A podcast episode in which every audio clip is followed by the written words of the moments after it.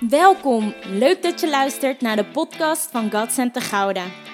God Gouda is een jonge gemeente waar een ontmoeting met God centraal staat. Ons motto is Love God, Love People, Love Yourself. En deze week weer een inspirerende boodschap met Pastor Jeroen over wat zou je doen? Hey, ik wil beginnen met, uh, met het woord van God te openen met jullie. Um, sla maar open Matthäus 21 of kijk naar de beamer. En uh, dan wil ik je vragen om te gaan staan voor het woord van God, want we gaan eruit lezen.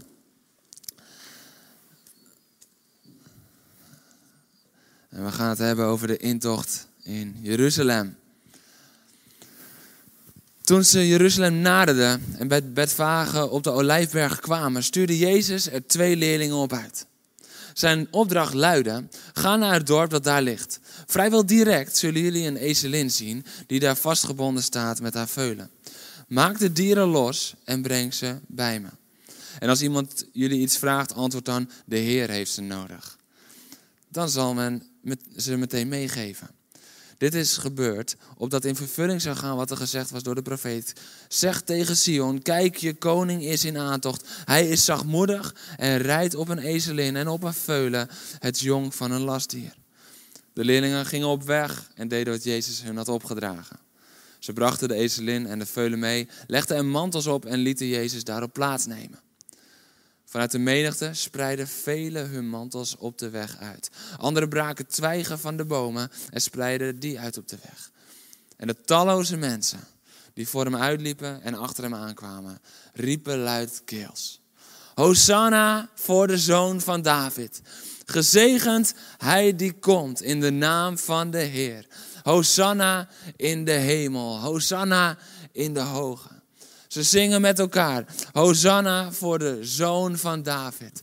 Ze herkenden hier de Heer Jezus. Hosanna voor de grote koning. Hij die komt in de naam van de Heer. Hosanna in de hemel. Ze riepen het luidkeels met elkaar. Wat een entree in Jeruzalem voor de Heer Jezus. Ga lekker zitten.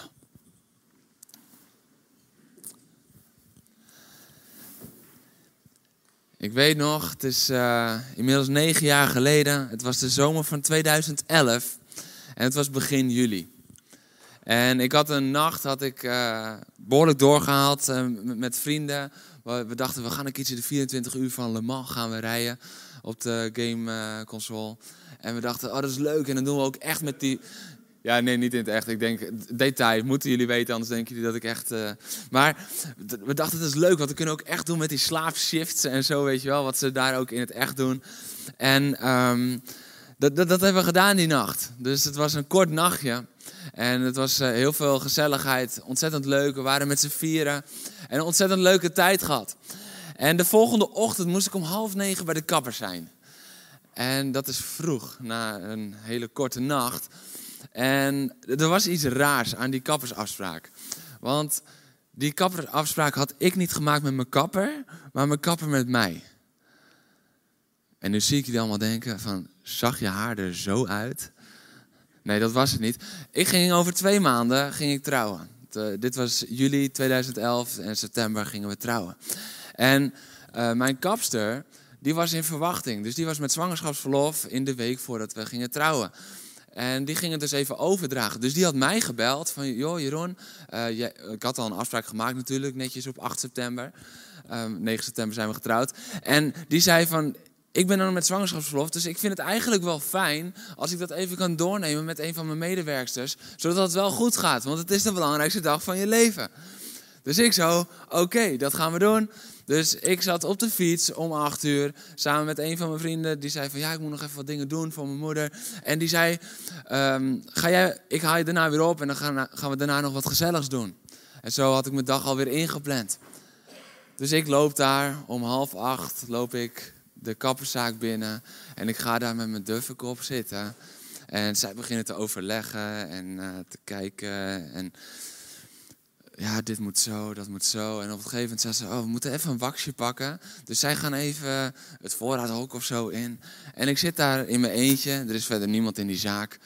Uh, het is half negen zaterdagochtend. Wie gaat er voor zijn plezier naar de kapper?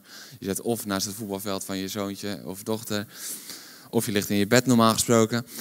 En ik zit daar. En in één keer! Komen van drie kanten, komen er allemaal jonge gasten die zaak binnenrennen. En ik, nou, ik denk dat ik een druppeltje heb gelaten in mijn broek. Want ik schrok me helemaal de rambam. Echt waar. Ik zat te shaken op mijn stoel. En op een gegeven moment zie ik eentje filmt. En ik hoor een paar lachen. Ik denk, verrek, deze lach ken ik. Het was tijd voor mijn vrijgezellenfeest. En toen begon alles te dagen. Ik denk, ja, een kapper die een afspraak maakt met mij is niet normaal. Dat hoort andersom. Maar ik was er gewoon met open ogen ingetuind. Het was twee maanden voor onze bruiloft, dus ik was daar nog helemaal niet mee bezig. Zij wel al een tijdje, dat heb ik geweten. Maar wat was het nou? Daarna ging iedereen op vakantie. Dus eh, ze dachten van ja, beter doen we dat alvast een beetje vroeg. Want dan is iedereen erbij. 14 jonge gasten rennen die zaak binnen. Ik zit te shaken op mijn stoel. Ik denk, nu moet ik heel snel mee gaan lachen. Anders begin ik te huilen van schrik. En we hebben een fantastische dag gehad. Maar ik was er helemaal niet op voorbereid. Ik, was, ik wist dat het zou gaan komen. Ik bedoel, ik had zelf dat lijstje met die 14 namen had ik ingeleverd bij mijn ceremoniemeester. Dus ik wist dat dat moment zou gaan komen, maar ik was er niet op voorbereid. Ik was er niet mee bezig. En eigenlijk is dat ook wat er hier gebeurt in Matthäus 21. Jezus komt die stad opeens binnen, maar de stad was nog niet voorbereid. Ze waren nog niet voorbereid op de komst van Jezus. Ik ga zo direct uitleggen hoe je dat kan zien. Maar ze waren er niet op voorbereid. Maar ze gaan er volop in mee. En ze stellen volop hun hart open. En zoals ik niet voorbereid was op die dag, moest ik denken van hoe vaak zijn we echt voorbereid op de komst van Jezus. En dan heb ik het niet alleen over zijn wederkomst, maar zijn komst vandaag. Zijn komst omdat hij hier aanwezig is vandaag. Hoe voorbereid zijn we gekomen? Zijn we gekomen van oké, het is weer een zondag en we gaan weer. En, en ondertussen nog van alles in je achterhoofd. En je bent al bezig met wat je zo direct moet doen na de dienst. Of ben je voorbereid gekomen? En misschien denk je nu wel van ja, shit man. Ik ben niet voorbereid. Het goede nieuws is, Jezus komt toch? Hij liet zich niet tegenhouden omdat de weg nog niet was voorbereid. En uiteindelijk bepaalt je hart of je hem kan ontvangen en niet je voorbereiding. Dus laat dat alvast de genade zijn die je voelt vandaag. En dan ga ik je meenemen in het verhaal. En ik geloof dat we daarin mogen ontdekken wat de kracht was van het volk in Jeruzalem en hoe we hem wel kunnen ontvangen. Ondanks dat we misschien niet voorbereid zijn op zijn komst, kunnen we hem wel ontvangen vandaag. En hoe doen we dat dan? De titel van vandaag is: Wat zou je doen? Wat zou je doen als hij nu binnen zou komen lopen? Denk je daar wel eens over na? Denk je er wel eens over na dat als nu die achterdeur open zwaait en Jezus komt er rustig binnenlopen, wat zou je doen? Zou je er anders bij zitten als dat je er nu bij zit? Zou je anders doen als dat je nu doet? Jeruzalem was niet voorbereid op de komst van Jezus. En al helemaal niet op de manier zoals die kwam, op een ezel. Dat was niet hoe ze koningen onthaalden. Dat is niet hoe een koning komt binnenrijden, menselijk gezien. Ze waren niet klaar voor zijn komst, maar toch gebeurde er daar iets in de mensen. En weet je, ik, ik zat me af te vragen terwijl ik dit aan het voorbereiden was. Wat zou er gebeuren met onze inschrijvingen op het moment dat we zeggen, volgende week is Jezus hier in levende lijf erbij. Als, als, als we dat nou zouden bekendmaken. Weet je, ja, we hebben zo direct bekendmakingen. Ja, volgende week uh, hebben we weer dienst. Uh, we hebben een gastspreker, dat is de Heer Jezus. Ik ben benieuwd hoe lang het zou duren voordat de diensten vol zitten. Omdat iedereen zich inschrijft. Ik denk dat mensen niet eens afwachten om naar buiten te gaan. Maar dat ze gelijk een telefoon pakken en denken. Ik moet me snel inschrijven. Ik wil dit niet missen. Ik moet hierbij zijn. Dit is te gek. Dit is gaaf. Dit is wow. Dit is onbeschrijfelijk. Als hij er is, dan moet ik erbij zijn. Ik heb nieuws voor je vandaag. Hij is er niet alleen volgende week, maar hij is er ook vandaag. Hij is hier. En weet je dat we te vaak niet beseffen hoe zijn aanwezigheid hier in ons midden is. Waardoor we hem niet zo ontvangen als hij eigenlijk ontvangen zou mogen worden. Het is nodig om ons bewust te worden van zijn aanwezigheid. Hij is hier. En wij, wij zouden onder de indruk zijn als hij zo binnenkomt lopen en in levende lijven. En hij gaat, gaat daar zitten om te kijken hoe zo'n dienst is. En laat, laten we gewoon eens eerlijk zijn met elkaar. Zouden we dan nog precies hetzelfde doen? Of zouden we net iets harder zingen? Want Jezus kijkt mee. Kunnen we eerlijk zijn vanochtend? Ik zou iets harder hebben gezongen. Weet je, ik, ik, ik weet nog wel eens dat ik uh, vroeger, toen, um, toen maakten we in God Center Leiden maakten we de switch dat er van geen foto's in de dienst, dat er foto's werden gemaakt. En diegene die die foto's maakt, die gaat dan niet helemaal op de achterste rij zitten. Maar als hier op de voorste rij stonden we te aanbidden. En dan gingen ze zo staan. Dus je ziet in je ooghoek dat er een foto wordt gemaakt. En je denkt dan toch van, ja, dan moet ik er ook niet zo, uh, zo op staan. En helemaal niet dan, nee. nee, toch gebeurt er iets in je hart dat je denkt van, oké. ik wil laten zien dat ik van Jezus hou. Als je dat al hebt voor een fotocamera, laten we gewoon eerlijk zijn met elkaar vandaag. We hoeven ons niet mooier voor te doen als dat we zijn. Dat gebeurt er vrij snel in ons hart. Als dat al gebeurt van een fotocamera, hoeveel te meer als Jezus hier zou zitten. Hoeveel te meer als Hij hier lijfelijk aanwezig zou zijn, zouden we onder de indruk zijn van Zijn aanwezigheid. En zou onze hand in plaats van zo, net even zo gaan. En zouden we in plaats van zo, misschien net even knielen om te laten zien, Heer Jezus, want ik ben echt helemaal gek op u. Ziet u mij? Ziet u mij? Ziet u mijn hart?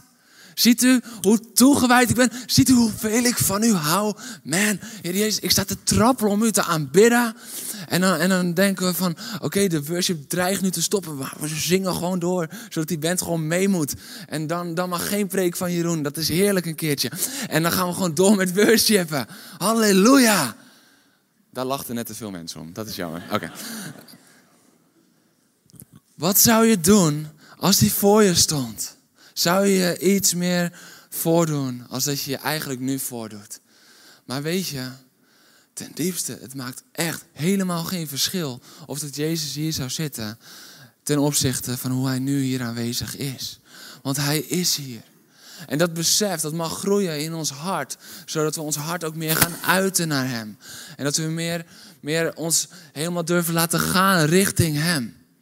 Weet je, ik geloof echt dat de kerk vaak met een bepaalde rem erop zit, omdat we denken van, we zijn vooral met elkaar en we, we zingen voor Hem en Hij is in de hemel. Ja, Hij is in de hemel, maar Hij is ook hier. En we mogen ons bewust daarvan zijn. Want als, ik weet niet hoe het met jullie zit, maar als ik me iedere keer bewust van word dat Jezus hier is, dan verandert mijn zaggerijnige ochtend in een toegewijde ochtend. Je moet niet denken dat als je mij daar bij het eerste nummer gelijk zo ziet gaan, dat ik er altijd zin in had toen ik hier binnenliep. Heeft hij dat niet? Nee, en jij ook niet. Dat weet ik, want je bent een mens. En als je kinderen hebt, is die kans nog groter dat je er geen zin in had soms. We kunnen eerlijk zijn met elkaar, toch? Ja. Dat is gewoon zo. Mhm. Sommige mensen met kinderen naast zich gaan nu bevestigen. Mhm.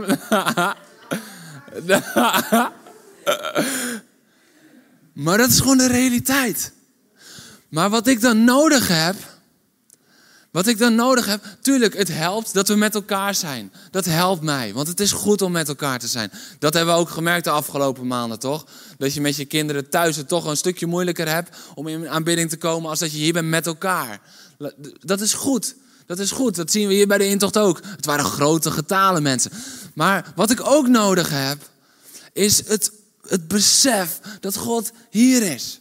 En dan, en dan kan ik opeens kan ik voorbij aan het gevoel van dat moment. Dan kan ik voorbij aan dat ik net nog drie kinderen net moest, op tijd moest inpakken en, en afleveren bij de kinderkerk. En ik denk van nou, dat is weer gelukt. Oké, we gaan. En dat is niet om je beter voor te doen, dat is niet om vroom te doen, maar dat is uit besef, hij is hier en hij verdient de glorie. Hij is hier en hij verdient de eer. En dat heeft niks te maken met hoe ik me op dit moment voel. En ik mag mijn hart ook bij hem uiten. Maar hij verdient mijn aanbidding. Want hij is hier. De koning is hier. De koning is binnengekomen. En we hoeven er niet eens op voorbereid te zijn. Maar als we hem dan maar ontvangen. Misschien denk je, oké, voor volgende week ga ik me voorbereiden. Maar dat is vanochtend niet helemaal gelukt. Ontvang hem dan vanochtend en bereid je voor de volgende week. En ten diepste, dan trekken we hem wat dieper verder.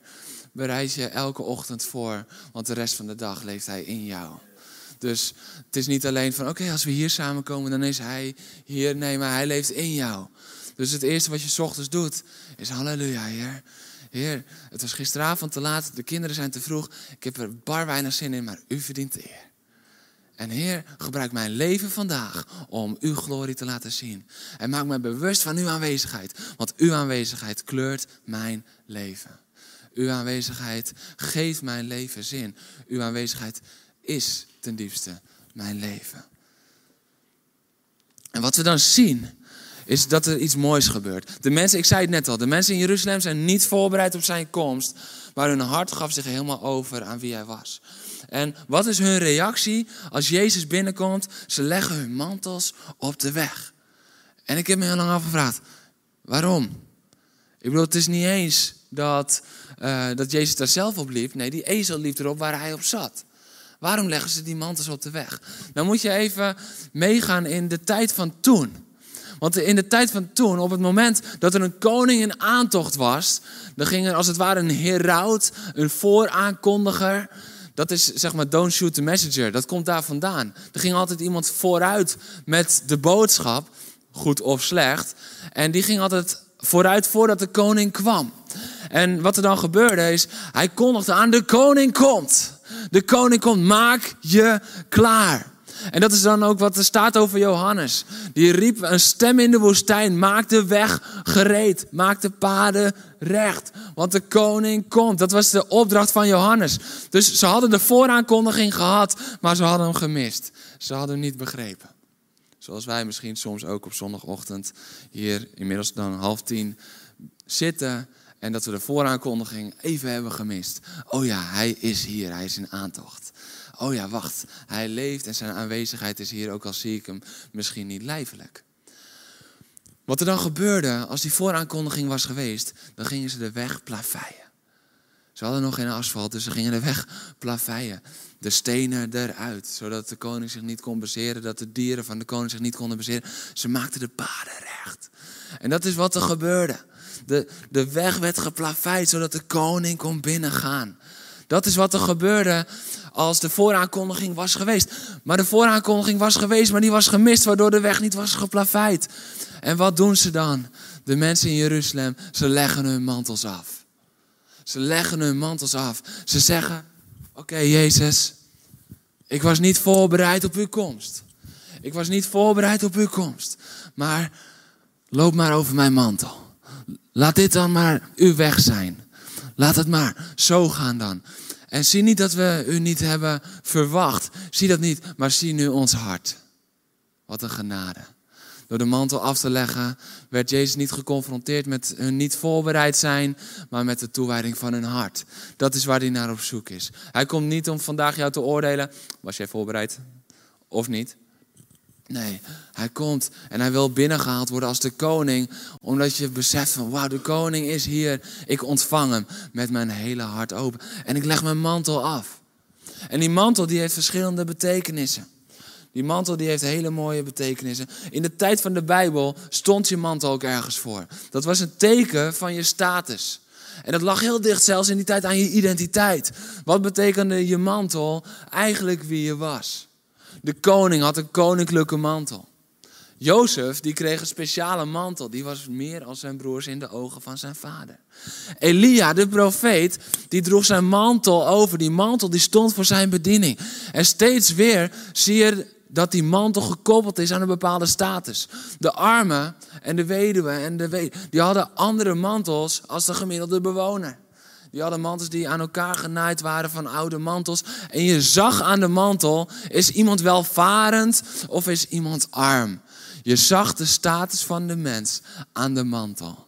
En wat ik dan zo mooi vind, is ze legden hun mantels af. Ben jij bereid om vandaag je status af te leggen? Wie jij bent af te leggen? Ja, je bent een succesvolle advocaat.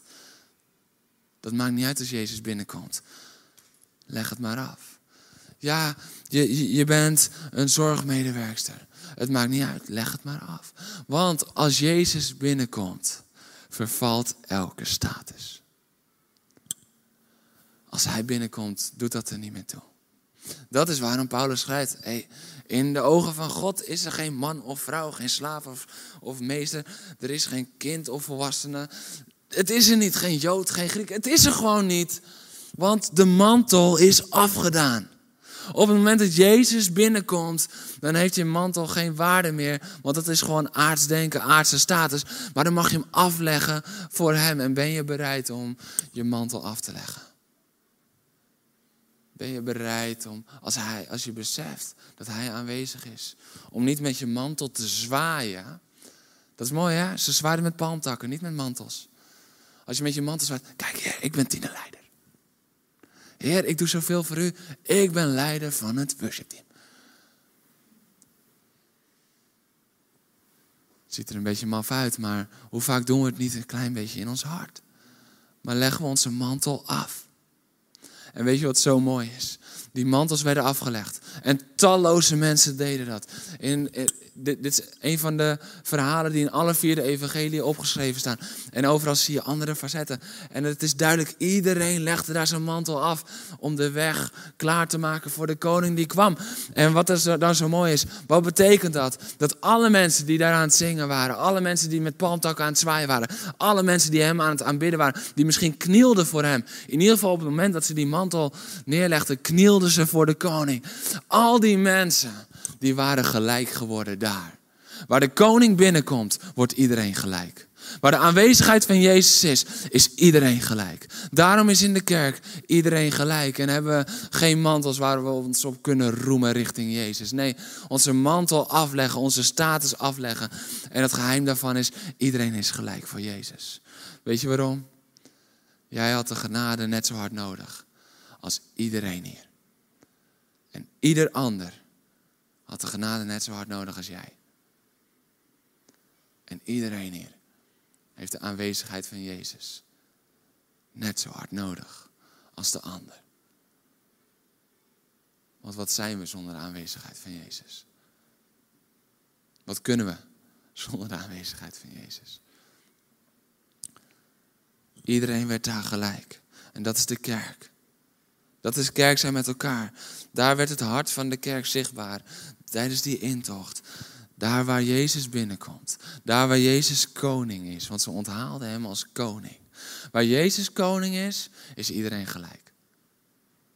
En ja, hij geeft verschillende verantwoordelijkheden. Maar dat is niet je identiteit. Want jij bent een kind van God. Net als jou, en net als jou, en net als jou, en net als jou. Net als iedereen die hier in deze ruimte zit. Iedereen die thuis misschien meekijkt. Misschien zit je op de camping lekker mee te kijken. Jij bent een kind van God. En jij bent precies gelijk aan de ander. En er zit nog iets moois. Waarom moesten ze die mantels afleggen? Als je je eigen mantel niet aflegt, kan hij je niet bekleden met de mantel die hij voor jou heeft bestemd. Jesaja 61 zegt, en hij komt, hij komt die jou bekleedt met de mantel der gerechtigheid. Hij kleedt jou met een mantel. En dat is een mantel. Iedereen gelijk. Wij hebben allemaal dezelfde kledingstijl, jongens. Allemaal dezelfde kledingstijl. En het staat iedereen even goed. En dat is de mantel der gerechtigheid. Dat is de mantel waarmee hij jou bekleedt.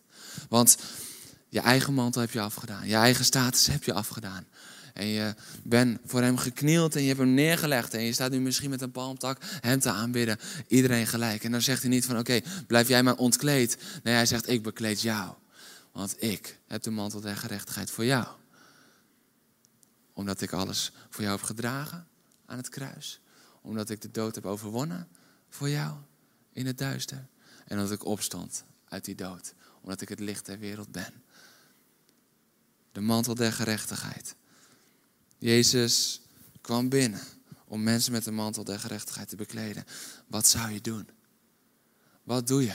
Wat zou je doen als hij hier binnenkomt? De vraag is niet wat zou je doen, maar wat doe je nu hij hier is? Nu hij hier is. Als je dat bezet, verandert je aanbidding misschien. Verandert je toewijding misschien. Verandert misschien wel hoe je naar dit woord luistert. En gaat je hart een stukje meer open. En dan komt de aanbidding van de koning. Ze hebben hun mantel afgelegd en, en ze besluiten om palmtakken te pakken en naar hem te zwaaien. En wat hier gebeurt is zo profetisch.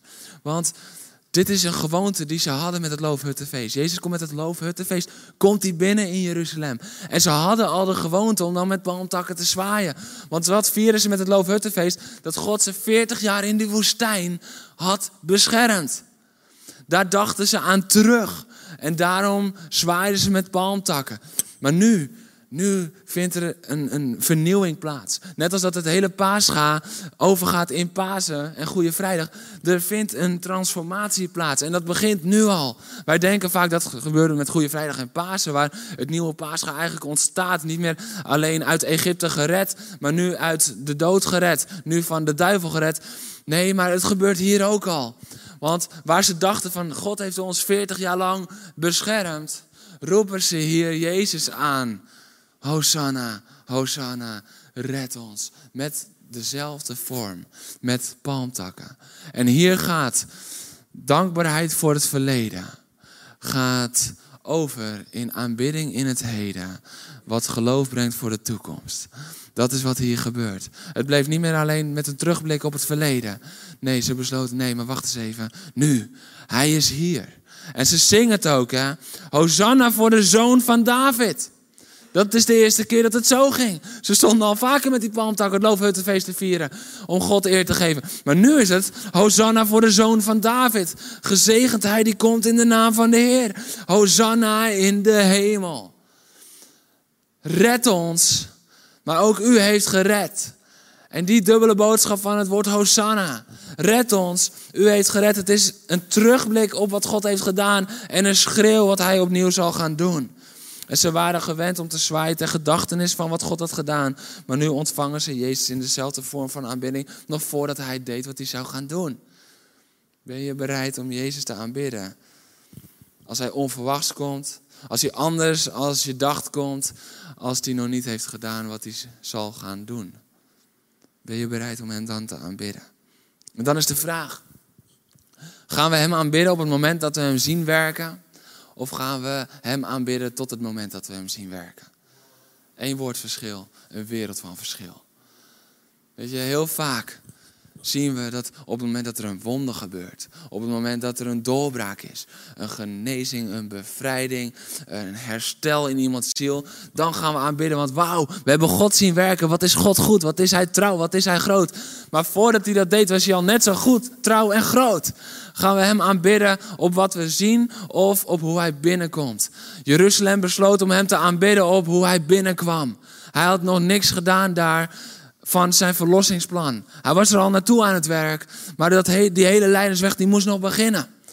Die hele leidersweg moest nog beginnen, maar ze waren daar al en ze ontvingen hem al met open hart, met palmtakken van aanbidding. Het volk was in verwachting, ook al verwachten ze dat er iets heel anders zou gebeuren. Maar ze waren in verwachting. Ze ontvingen hem in verwachting en ze leefden in verwachting.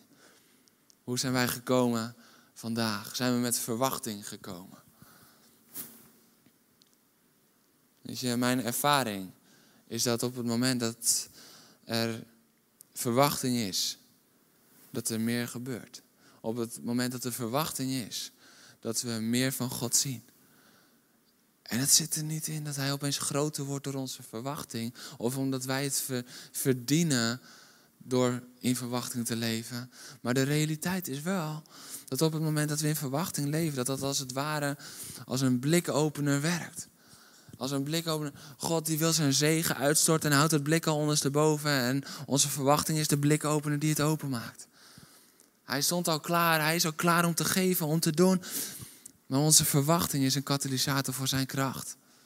Ik zie het iedere keer weer, of het nou op gebedsweken, gebedsavonden, tijdens een vaste tijd, op een kamp. En het is niet zo dat God dan opeens groter is in die week. Maar we zijn ons bewuster van zijn aanwezigheid. En we ontvangen hem meer in wie hij is. We ontvangen hem als koning, als heerser, als schepper, als, als vader. In welk verzet van ons leven we hem ook ontvangen als koning. De alfa en de omega. Maar onze bewustzijn van zijn aanwezigheid. Dat is zo ontzettend belangrijk. Wanneer we ons bewust worden van zijn aanwezigheid, gaan we anders handelen, gaan we anders wandelen. En over wandelen gesproken, er is nog één laatste facet van dit verhaal. En ik weet dat je hiervan gaat genieten, van deze vergelijking.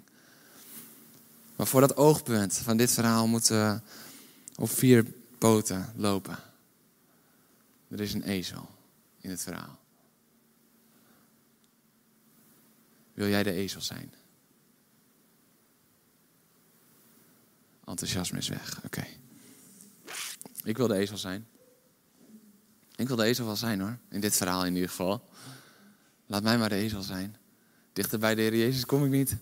Hij zit op mijn rug. Ik wil de ezel zijn. Maar er gebeurt iets moois. Er staat heel specifiek dat die ezels staan vastgebonden. Die ezels staan vastgebonden. En als je in het evangelie van Marcus leest, Marcus 11, dan zie je nog een extra detail. En dat is namelijk dat die ezels nog nooit bereden waren. Die ezels die misten ten diepste het doel van hun leven. Want wat is het doel van een ezel als last? Die om die last te dragen en om bereden te worden, om bepakt te worden. Dat was het doel van hun leven. En nu denk je, oh jee, belast, bepakt. Moet ik die ezel zijn? Wel als Jezus op je komt zitten. De ezel is daarvoor gemaakt. Maar die ezels, die ezelinnen naar Veulen, die zaten vastgeketend aan een paal. En die misten het doel van hun leven. En het eerste wat er hier gebeurt, nog voor die hele optocht begint. Het eerste, als Jezus binnenkomt, is dat hij je losmaakt. Dat die ketenen verbreekt dat hij je losmaakt. Man, dat is het eerste wat hij doet. Er staat, maak de dieren los en breng ze bij me. Maak ze los en breng ze bij me. In mijn aanwezigheid. En dan gaan we samen verder optrekken. Dat is nog voor die hele intocht. Voor de fanfare. Voor het feestgedruis. Maak die ezel los. Hij zit vastgeketend. Hij mist het doel van zijn leven. Hij, hij, hij heeft een bestemming, maar daar komt hij nu niet in. En misschien voel jij je ook wel zo. Je kan jaren in de kerk zitten en een vastgemaakte ezel zijn. Dat klinkt niet lief, maar ik bedoel het goed. Je kan jaren in de kerk zitten en je doel missen. Je kan jaren samenkomsten bezoeken, maar je doel missen. Waarom? Je zit vastgeketend en je bent nog nooit in je bestemming gekomen. Mensen hebben het niet gezien in jou. Misschien vonden ze je wel niet krachtig genoeg. Het feit dat die, dat, dat die ezel nog nooit bereden was, dat werpt vraagtekens op. Want over het algemeen kan je er dan vanuit gaan dat het niet het meest sterke dier van de kudde was. Anders was hij al lang gebruikt. Jezus pakt de zwakste in mensenogen eruit en zegt: Jij mag mijn ezel zijn. Wie wil er nu een ezel zijn? Willen we al? Jezus draagt de discipelen op. Maak die ezel los. Ik rijd erop binnen. Hij maakt de ketenen los en hij brengt je terug in je bestemming. Die ezel, die was gelukkig. Die ezel, ik denk dat er weinig ezels zijn die door duizenden mensen zijn toegeschreeuwd en gejuicht. Die ezel die had de dag van zijn leven. Ik hoop dat hij een goed geheugen heeft als ezel. Ik weet niet of ezels geheugen hebben, maar beter herinnert hij zich die dag heel lang. Die had de dag van zijn leven. Welke ezel kan zeggen, ja, er kwam iemand op mij zitten en duizenden mensen langs de kant. Wow. Maar die ezel kwam weer in zijn bestemming. En dat werd gevierd. Weet je dat wij als kerk met elkaar mogen vieren als er weer een ezel tot zijn bestemming komt? Weet je dat wij het mogen vieren met elkaar? Ik geloof dat de kerk gemaakt is om te juichen elke keer als er weer een ezel binnenkomt rijden met Jezus op zijn rug. Waarom? Omdat Jezus hem heeft losgemaakt en terug in zijn bestemming heeft gebracht. Dat moeten we vieren. Dat moeten we vieren. Dan moeten we niet denken van, ah, zat Jezus maar bij mij? Nee, wauw, weer. Weer iets gebeurt. Weer iemand bevrijd. Weer iemand in zijn bestemming. Halleluja, prijs de Heer. Laten we het vieren met elkaar. Dat is wat er mag gebeuren. Dat is wat ons hart mag zijn. En vandaag vraagt Jezus, wil jij mijn ezel zijn? Wil jij mijn ezel zijn? Wat zou je doen als Jezus hier binnenkwam? Wat zou je doen? Ren je dan ook de stad uit als hij eraan komt? In het Johannes-evangelie staat heel duidelijk dat de mensen trokken met hem op. Maar de mensen renden ook de stad uit. Want ze hadden gehoord, Jezus komt. En ze renden de stad uit om hun mantels neer te leggen. En hun palmtakken te pakken. En te zwaaien. Hem te aanbidden. Hem toe te zingen. Hosanna! De zoon van David, u komt. Halleluja. En ik was niet helemaal voorbereid op uw komst. Maar man, wat ben ik blij dat u hier bent. En misschien zit je hier ook wel. Dat je denkt, oké, ik was niet helemaal voorbereid, maar man, wat ben ik blij dat u hier bent. En dat ik nu dat besef begin te krijgen. Koning Jezus is hier. Koning Jezus is hier.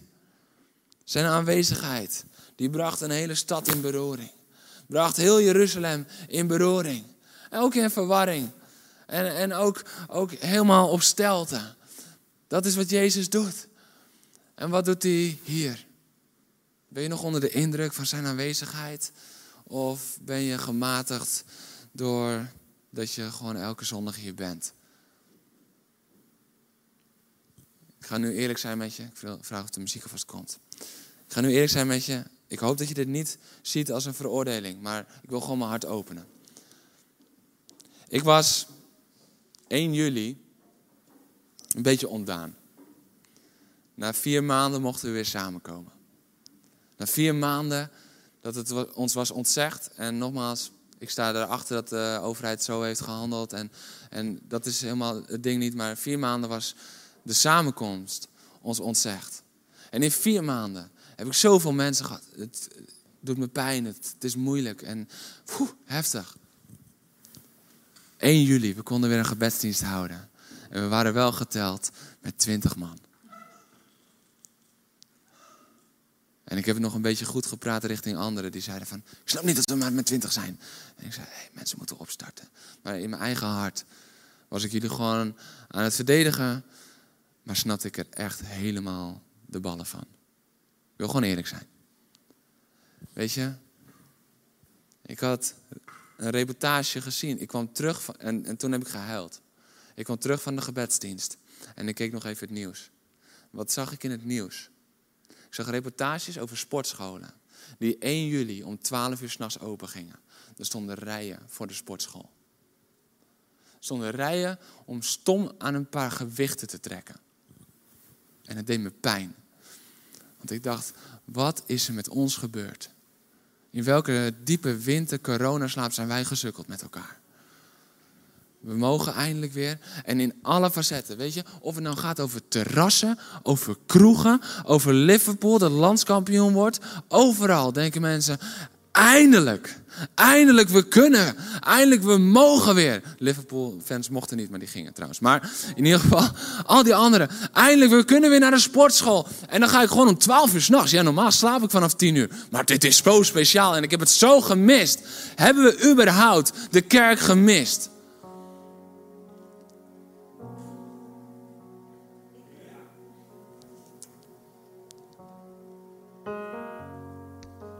Wat zou je doen?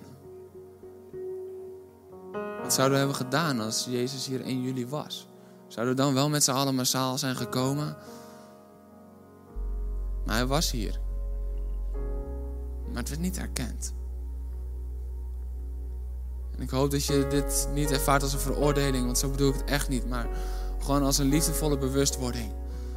En ik wil gewoon daarin mijn hart openen. Want ik worstel ermee. Tweede dienst zit meer jeugd en dan ga ik die aanpakken. Want met de jeugd is precies hetzelfde. Wel, wel aangeven, ik vind het zo moeilijk, die Zoom-meeting. En op het moment dat je weer kan samenkomen, denken van ja, ach, ik ga thuis wel film kijken. Maar zijn we ons bewust van zijn aanwezigheid?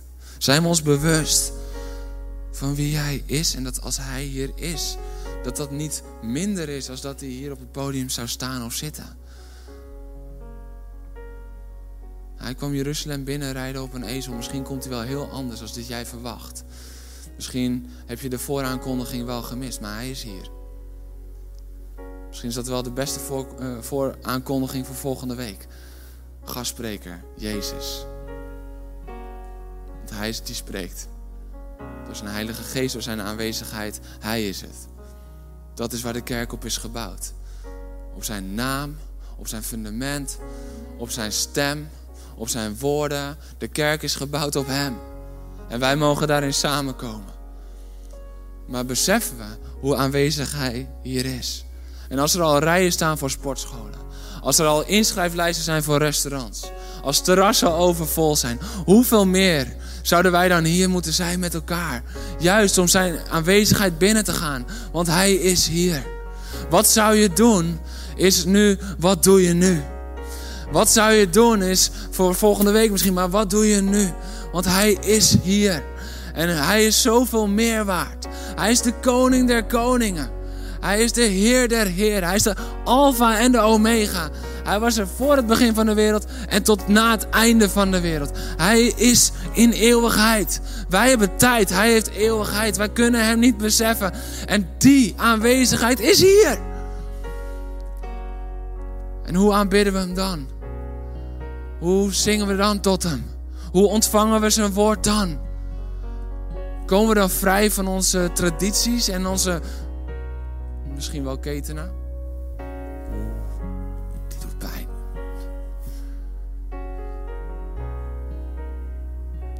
Ik moet mijn hart iedere keer, moet ik mijn hart onderzoeken. Zit ik niet vast aan tradities?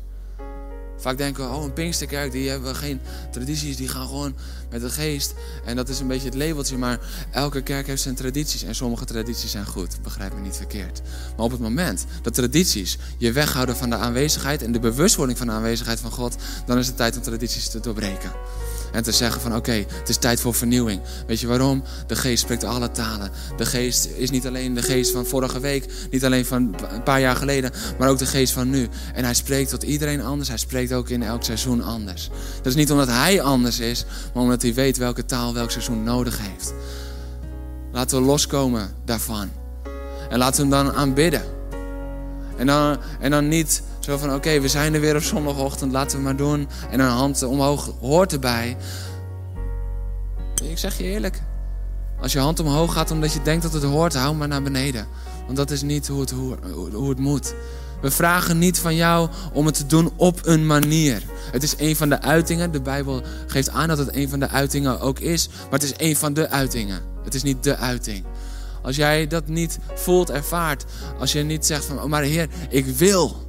Ik ga ervoor. Misschien voel ik het nog niet, maar ik kies ervoor. Omdat u hier bent. Als dat niet de motivatie is, laat het maar zitten. Maar als we ons beseffen dat zijn aanwezigheid hier nu is.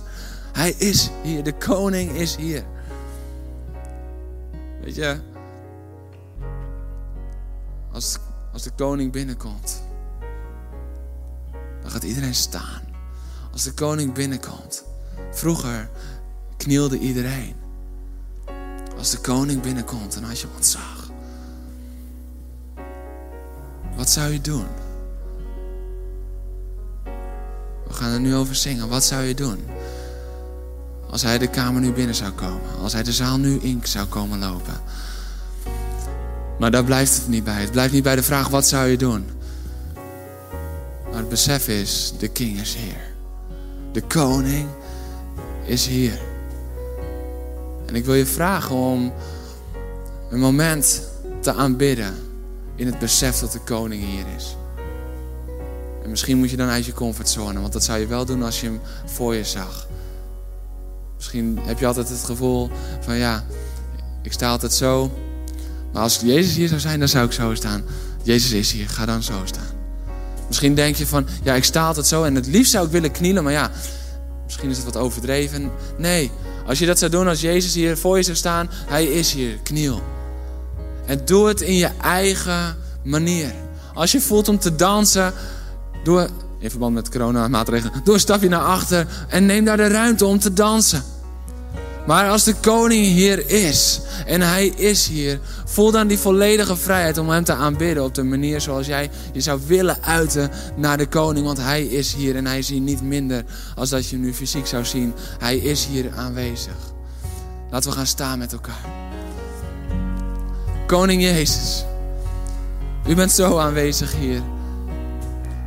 En we willen ons bewust worden van uw aanwezigheid. En Heilige Geest, op dit moment bid ik dat u doorwaait, Heer. Waai door ons midden. Heer, en maak ons bewust van uw aanwezigheid. En Koning Jezus, we willen u aanbidden. Heer, we willen u aanbidden omdat we ons bewust zijn van hoe u aanwezig bent. Heer, u bent zo goed, u bent zo groot, u bent zo trouw, u bent zo mooi. U komt alle eer en glorie toe. U komt alle eer en glorie toe. Heer, en we willen niets terughouden. Heer, en ik bid ook dat die ketenen van de terughoudendheid, dat die verbroken zullen zijn op dit moment in de naam van Jezus. En dat we ons vrij voelen om u te aanbidden zoals we u in ons hart willen aanbidden. Heer, en dat er geen verschil is tussen ons hart en onze uitingen van ons lichaam. Heer, dat er geen verschil is tussen ons hart en de uitingen van onze stem. Heer, omdat we volledig voor u gaan, omdat we achter u aangaan. Heer, omdat we u tegemoet rennen vanuit Jeruzalem, omdat we meelopen met u met palmtakken. Heer, en dat we onze mantel afleggen. Heer, dat we onze eigen mantel afleggen. Heer, en dank u wel dat u ons bekleedt met de mantel der gerechtigheid. Heer, en we willen u aanbidden, want u bent hier. Halleluja. Laten we zingen met elkaar. We hopen dat deze boodschap je geïnspireerd, geactiveerd en gemotiveerd heeft in je wandel met God. Deel deze boodschap ook op je socials, zodat vele anderen met jou hierdoor geïnspireerd mogen worden. Ontmoeten we elkaar snel een keer in een van onze diensten? Zondag om half tien of om kwart voor twaalf in God Center Gouda.